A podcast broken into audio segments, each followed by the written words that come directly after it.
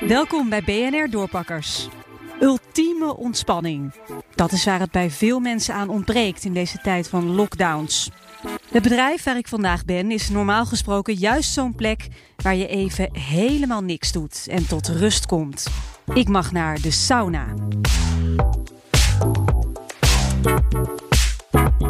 Ik ben uh, Hans Lebbing, stichter en beheerder, eigenaar uh, van uh, Saunadroom in Putten.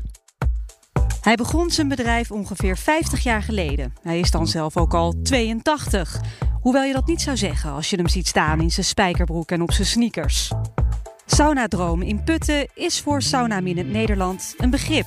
Wij zijn een van de laatste echte Finse sauna's in Nederland. Dus ook geen badpakken. Want dat hebben ze in Finland ook nog nooit van gehoord, hè? Nee, precies. Des te vreemder is het, want wij zitten nu in de, wintertuin, waar normaal de gasten ook kunnen lunchen, kunnen dineren.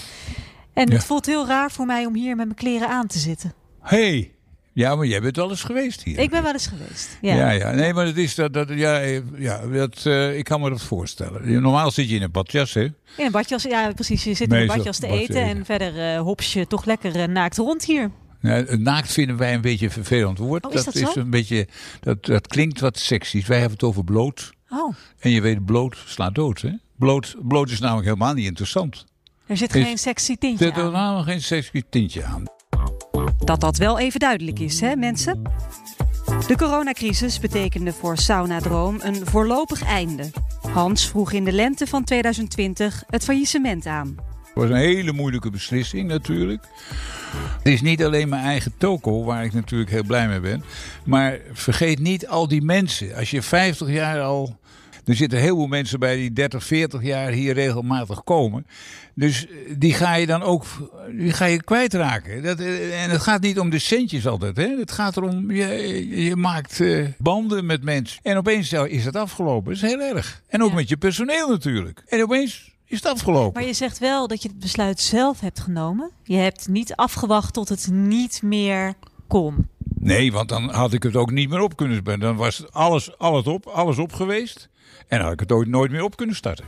Want dat was van meet af aan de insteek.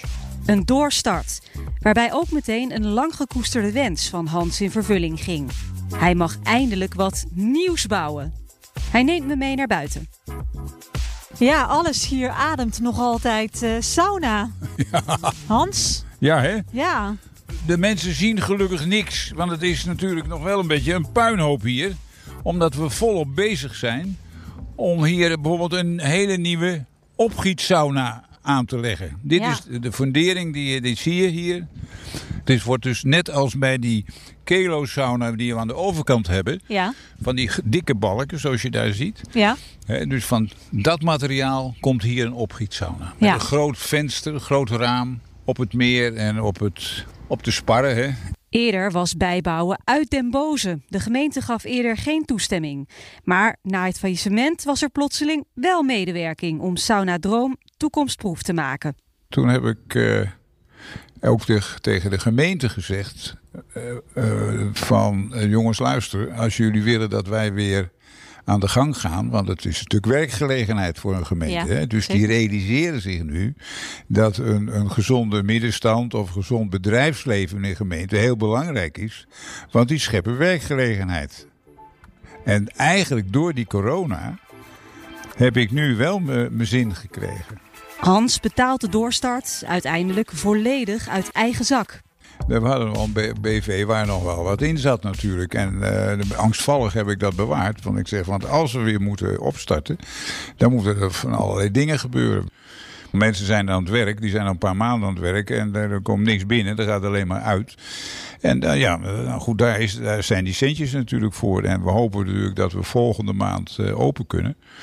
Er zijn mensen die kwamen hier bij wijze van spreken elke dag. Dat is dan een, eh, een stuk levensgeluk wat ze kwijt zijn. En die willen dat graag weer terug. Ja, dus je bent absoluut niet bang dat, het, eh, dat er een gebrek is aan klanten zometeen. Nee, Het is alleen de vraag, hoe lang duurt dit nog? Tot Ja. je open mag. ja. Nou, Komt er een punt, als stel je mag april ook niet open.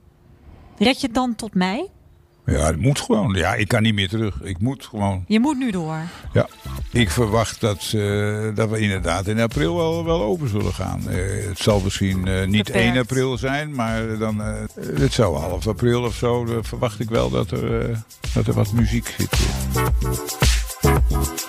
Dus ik krijg een gevoel alsof het toch nog allemaal een beetje werkt hier. En oh, dat we stiekem wel open gaan. Nou, we gaan niet. Uh, we nee? zijn niet stiekem open. Nee. Ik moet in de kleren blijven. Ja, je moet. Uh, jammer, hè? Ja, het zei zo. Dat, uh... dat is echt jammer. Dit was BNR Doorpakkers. Tot de volgende.